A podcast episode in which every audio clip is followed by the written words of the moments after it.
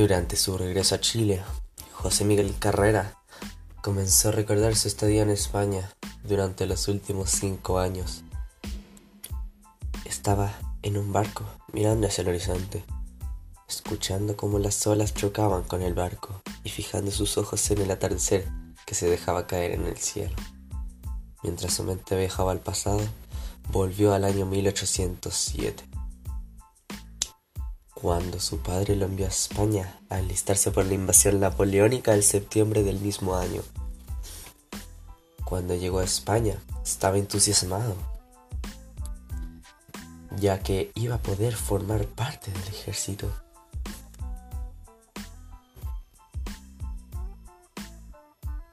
Al pasar de los meses, pudo lograr una formación militar sólida luchando por la causa hispánica durante la Guerra de la Independencia Española. Luego se inscribió en los voluntarios de Madrid y los usares de Farnesio,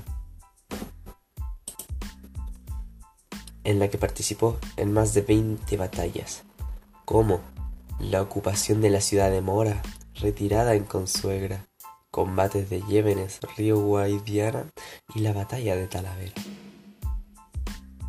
en abril de 1809. Obtuvo el grado de capitán, aunque meses después fue herido gravemente en la batalla de Ocaña el 19 de septiembre de 1809.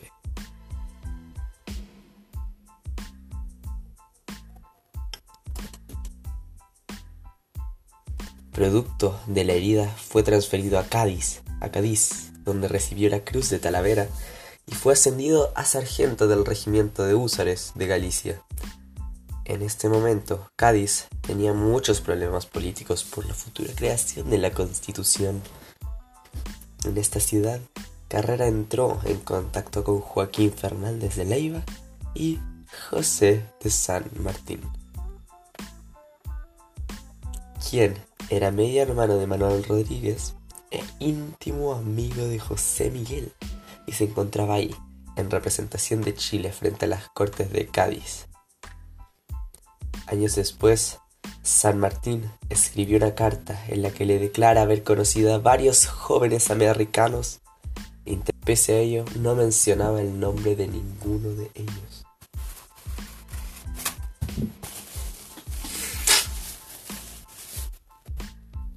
Más adelante, Carrera pidió permiso para volver a Chile, pero fue enviado a prisión porque se pensaba que pretendía incorporarse a los sediciosos de la Junta de Gobierno. Todo esto debido a la carta que había escrito José de San Martín.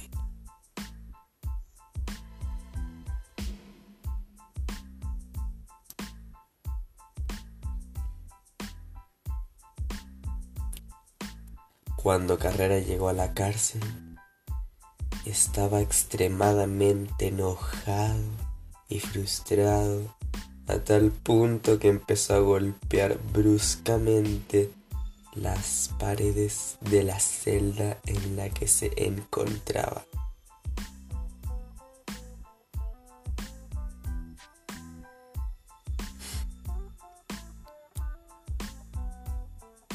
Al pasar de las horas, se comenzó a calmar y trató de hablar con las autoridades, quienes no le hicieron caso.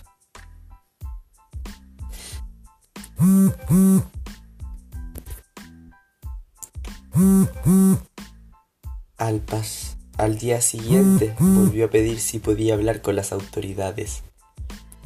Antes de la reunión estaba muy alterado Sin embargo, le respondieron que sí, con la única condición de que tenía que mantenerse tranquilo. Mientras estaba en la reunión de las autoridades, le explicaba que tenían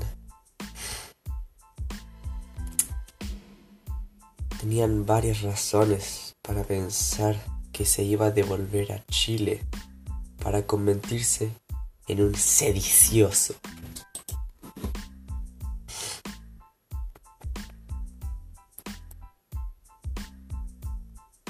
A lo que Carrera, indignado, respondió que no y que no tenían ninguna prueba de lo que estaban diciendo.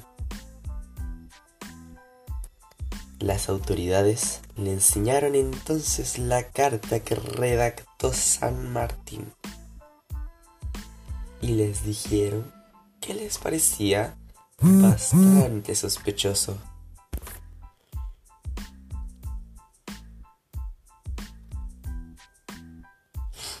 que él presentase un permiso para volver a Chile luego de una larga y exhaustiva conversación.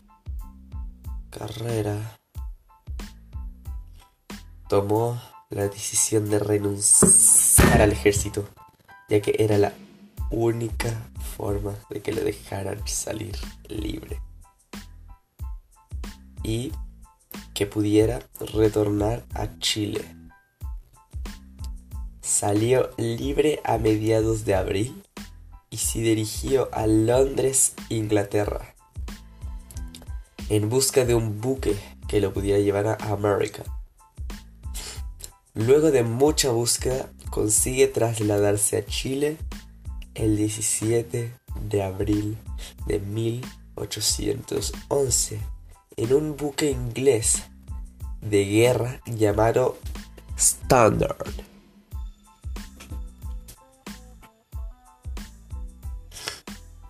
Y arriba a Valparaíso el 25 de julio del mismo año, adentrándose inmediatamente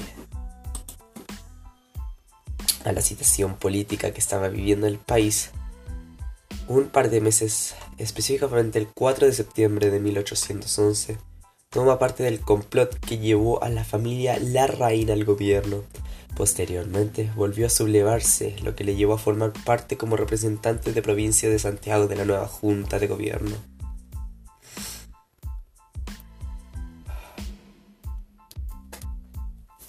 El resto es solo la historia que todos conocemos.